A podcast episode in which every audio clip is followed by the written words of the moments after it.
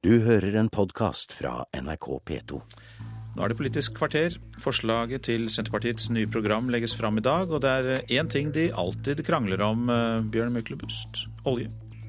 Ola Borten Moe splitter Senterpartiet igjen. Der han ser et kompromiss, ser andre en rød klut. Snakker de ikke samme språk?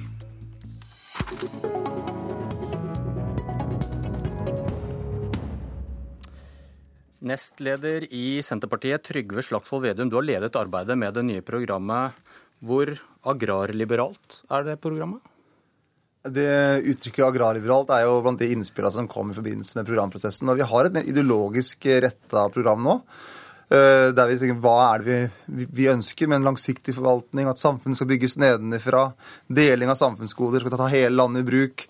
Så vi er opptatt av det her liksom overordna prinsippene eh, i programmet. og og Et av innspillene var agrarliberalt, men jeg tror ikke ordet har kommet inn i programmet ennå. og Så får vi se om det kommer inn, i, inn på landsmøtet. Du snakker kanskje ikke samme språk som den andre nestlederen i Senterpartiet, Ola Borten Moe, når vi skal snakke om oljepolitikk heller? Jo, vi snakker samme språk. Og så er det Senterpartiet er jo et eh, praktisk miljøparti som er opptatt av å handle i miljøpolitikken. Og så er vi også et næringsparti. Og så er det da det her, hvordan er det å finne den naturlige balansen mellom miljø og næring. Der eh, ønsker eh, Ola Borten Moe å åpne for større områder for olje- og gassleting enn det, enn det jeg, det jeg gjør. Og det kommer til å bli en diskusjon helt inn i landsmøtet, men det vi er helt enige om, det er at vi ikke skal åpne Troms 2, eh, Nordland 7 og deler av Nordland 6. Så de, største, de, de områdene som ikke har vært åpna før, ønsker ikke noen i Senterpartiet å åpne nå. Men så er det de områdene som tidligere har vært åpna inn i det som kalles Nordland 6, som det er en diskusjon på om man igjen skal åpne. Og Der er da et eh, flertall i komiteen som er for å åpne det, mens et eh, stort mindretall eh, er imot. Og jeg tror det kommer til å bli spennende helt inn i landsmøtet. Ja, Du tapte den kampen i komiteen, men hvorfor er ikke dette et kompromiss som kan samle partiet, det Ola Borten Moe har foreslått? Grunnen for at jeg er mot det er at vi har åpna gode nye områder for norsk olje- og gassektor. At vi mener det er stor nok aktivitet i norsk olje- og gassektor. At vi ikke trenger nye leteområder, nye utvinningsområder for olje- og gassektoren de det, kommende det, åra. er- det er på en måte deg og din fløy sitt standpunkt. Ikke endre politikk. Og så er det da, som Borten Moe sier, en fløy i partiet som vil gå enda lenger, og kanskje også åpne for konsekvensutredning av de områdene i Lofoten og Vesterålen du nevnte. Hvorfor er ikke da å åpne Nordland 6 igjen et godt kompromiss? Nei, Vi mener at det ikke er et godt kompromiss. For at eh, vi ser på de områdene i Nordland 6 som både ut fra det næringspolitiske vi snakka på i stad, men også ut fra det miljøpolitiske. At vi må ha en føre-var-tenkning i olje- og gasspolitikken. Eh, Og Lofoten og Vesterålen har helt unike eh, naturverdier, og de har unik, unike fiskeriressurser. og Derfor så ønsker vi å legge en føre-var-tenkning til grunn, og ikke åpne de områdene nå. Også Men, men Nordland 6 ble jo da åpnet i 1994 og ble da vurdert som miljømessig forsvarlig. og Hva er forskjellen på dette feltet her og f.eks. Gjøa og Goliat, felt nære land, der det er oljeaktivitet? Nei, og Det der er jo hele tida balansegang i norsk olje- og gasspolitikk. Men hva er forskjellen på de feltene?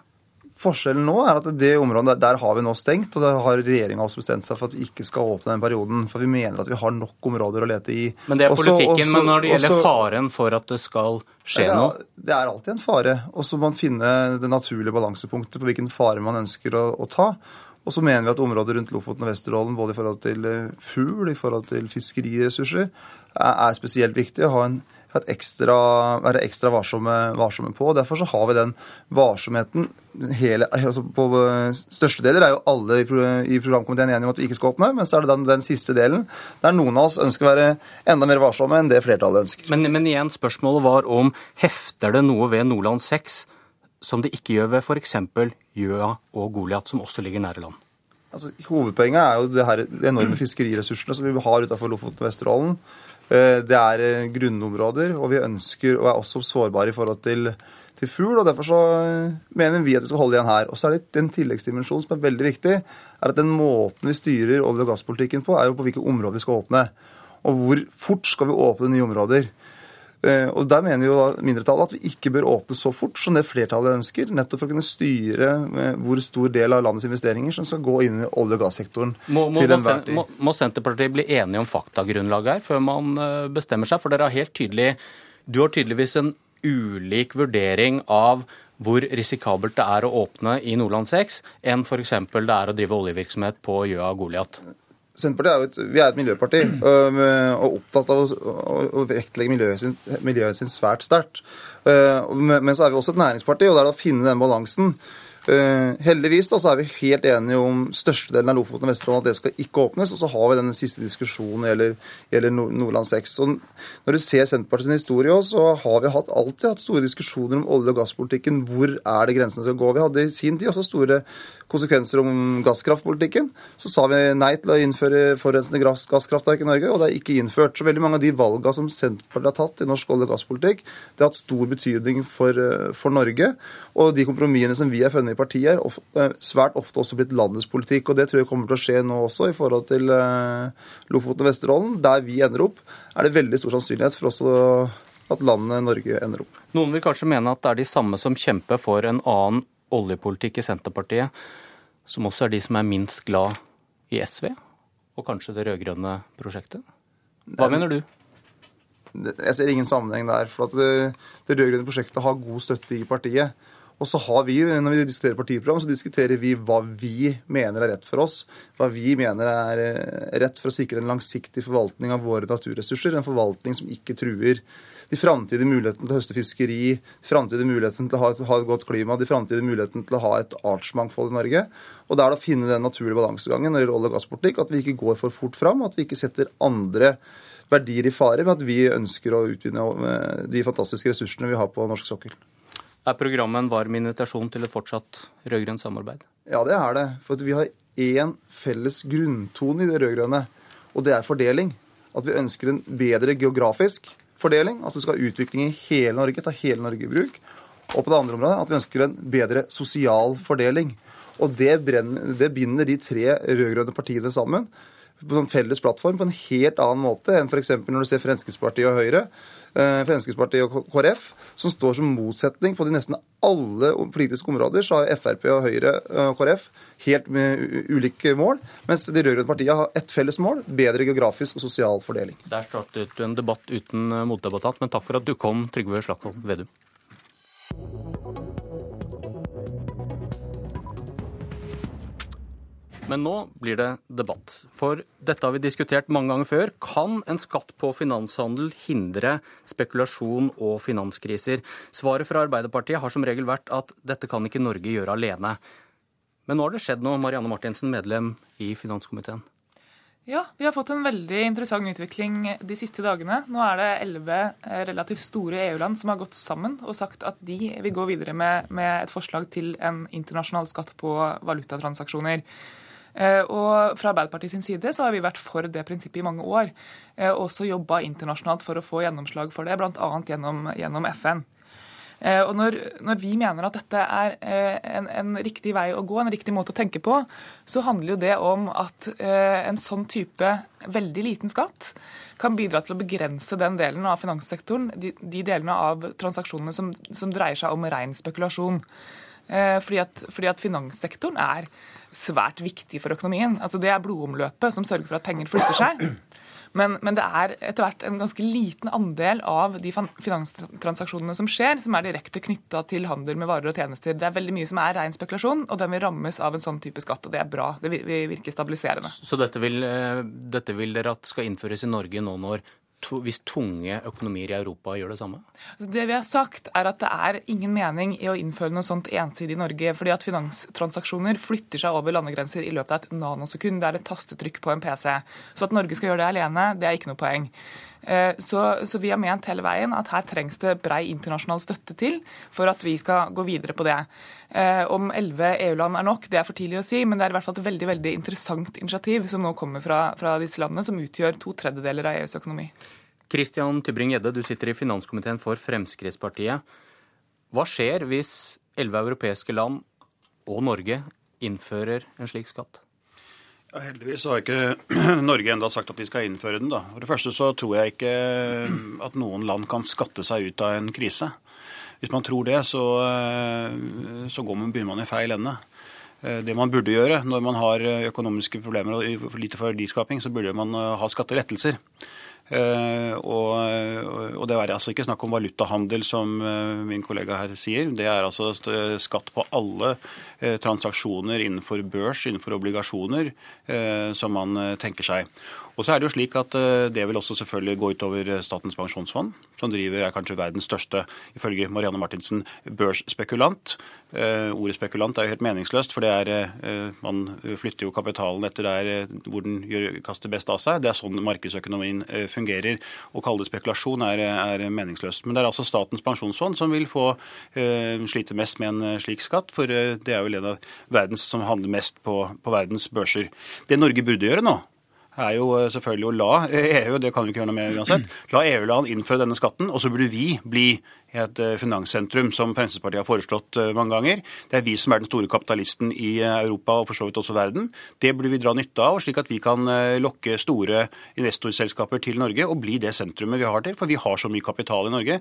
Derfor burde vi skape arbeidsplasser innenfor også dette området. Ved å ikke innføre en slik skatt for å få et konkurransefortrinn? Ja, åpenbart. Eh, hvis de andre landene skatter, så vil jo kapitalen, som Marianne Martinsen korrekt sier, flyte der hvor det ikke er skatt, eh, og det vil bl.a. være Norge.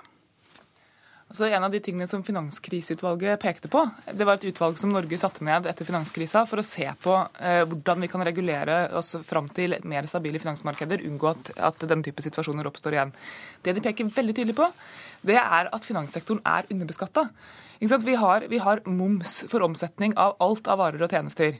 Eh, I finanssektoren så har man ingen tilsvarende type skattlegging. og Det gjør jo at finanssektoren eh, veldig fort kan trekke til seg en uforholdsmessig stor del av, av ressursene i et samfunn. Og er det én ting som i hvert fall er sikkert, så er det at, at når du får en situasjon hvor finanssektoren blir for stor sammenligna med realøkonomien, utgjør for stor andel av BNP, så virker det destabiliserende. Jeg mener, jeg mener, at det ikke er noe mål at man skal blåse opp antall finanstransaksjoner som foregår i verden. Rett og slett fordi at veldig mye av dette er knytta til det som man kan kalle ren spekulasjon. Når noen f.eks. flytter enorme pengesummer i løpet av veldig veldig kort tid, bare for å utnytte seg av en bitte liten margin som oppstår f.eks. i valutamarkedet, så virker det destabiliserende, og det gagner ingen. Jo, det gagner eh, akkurat det det gjør. fordi at hele tiden så vil kapitalen flyte der den kaster best av seg. Og Hvis du putter, prøver å putte skatter, skattelegge dette, så vil det fremdeles være land som eh, har bedre fordeler, enn som er mer effektive. Og så vil eh, kapitalen flytte dit, bare da med litt ekstra kostnader for de elleve landene som innfører en ny skatt. Sverige forsøkte på 80-tallet å innføre en slik skatt. Eh, og det var 0,5 eh, Og Etter hvert så satte de den skatten ned til 0,2 og Erfaringen derfra viser at dette var svært lite vellykket, og derfor droppet de hele skatten på i 1988. Eh, Sverige er heller ikke blant de elleve landene som nå igjen vil prøve dette. Og Det tyder på at det er helt umulig å, å, få det til. Man tror man skal få inn mye kapital, men kapitalen går ut av landene som innfører denne skatten, og går et helt annet sted. Og den skatten man tror man skulle få, få til, for å passifisere folk Jeg vil gjerne understreke det, for poenget med å få inn en skatt er for at man skal bruke det på velferdsytelser. Det aller beste er, å få, er, selvfølgelig å ikke ta inn skatten, slik at man skaper verdiskapning over hele eh, Europa. Look to Sweden. Altså, Sverige hadde dårlige erfaringer med å gjøre dette ensidig. og Det er også noe av bakgrunnen for at vi mener at hvis dette skal gi mening, så må vi gjøre det sammen med andre store, eh, tunge økonomier. Har, hva, altså, hva, gjør Norge konkret nå, da, etter at det er, eh, dette har skjedd i, i disse elleve landene? Altså, det, er fortsatt, det, er fortsatt, langt fram for disse elleve landene. Man har gjort et prinsippvedtak i rådet. Men, men Tybring-Gjedde og jeg kommer aldri til å bli enige om dette. for Tybring-Gjedde representerer et parti som hadde som utgangspunkt at man skulle deregulere finansmarkedene helt og fullstendig. Takk for debatten.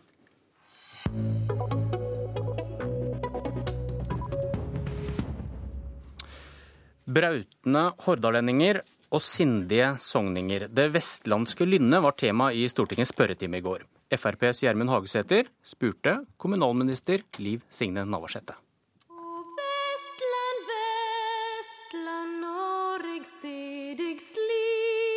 F.eks. i Hordaland så kommer altså fylkesmannen med langt flere innsigelser, langt flere motsegner, enn fylkesmannen i Sogn og Fjordane gjør. Det er jeg som skal ha juling. Krangel med meg for jeg tåler det og, og liker det. Eh, og Da er jo spørsmålet hvorfor det er så mye flere innsigelser og motsegner i Hordaland enn i Sogn og Fjordane. Har det noe med at fylkesmannen i Hordaland, fylkesmannsembetet, er mer på hugget enn man er i Sogn og Fjordane? Eller har det med at innbyggerne i Sogn og Fjordane kanskje er mer enklere å ha med å gjøre, mer sindige, enn en hordalendingene er? Du veit ikke hva du snakker om. Og så skal jeg stå her og få kjeft Ja, Statsråden får anledning til å kommentere til innenfor sitt konstitusjonelle eh, ansvarsområde.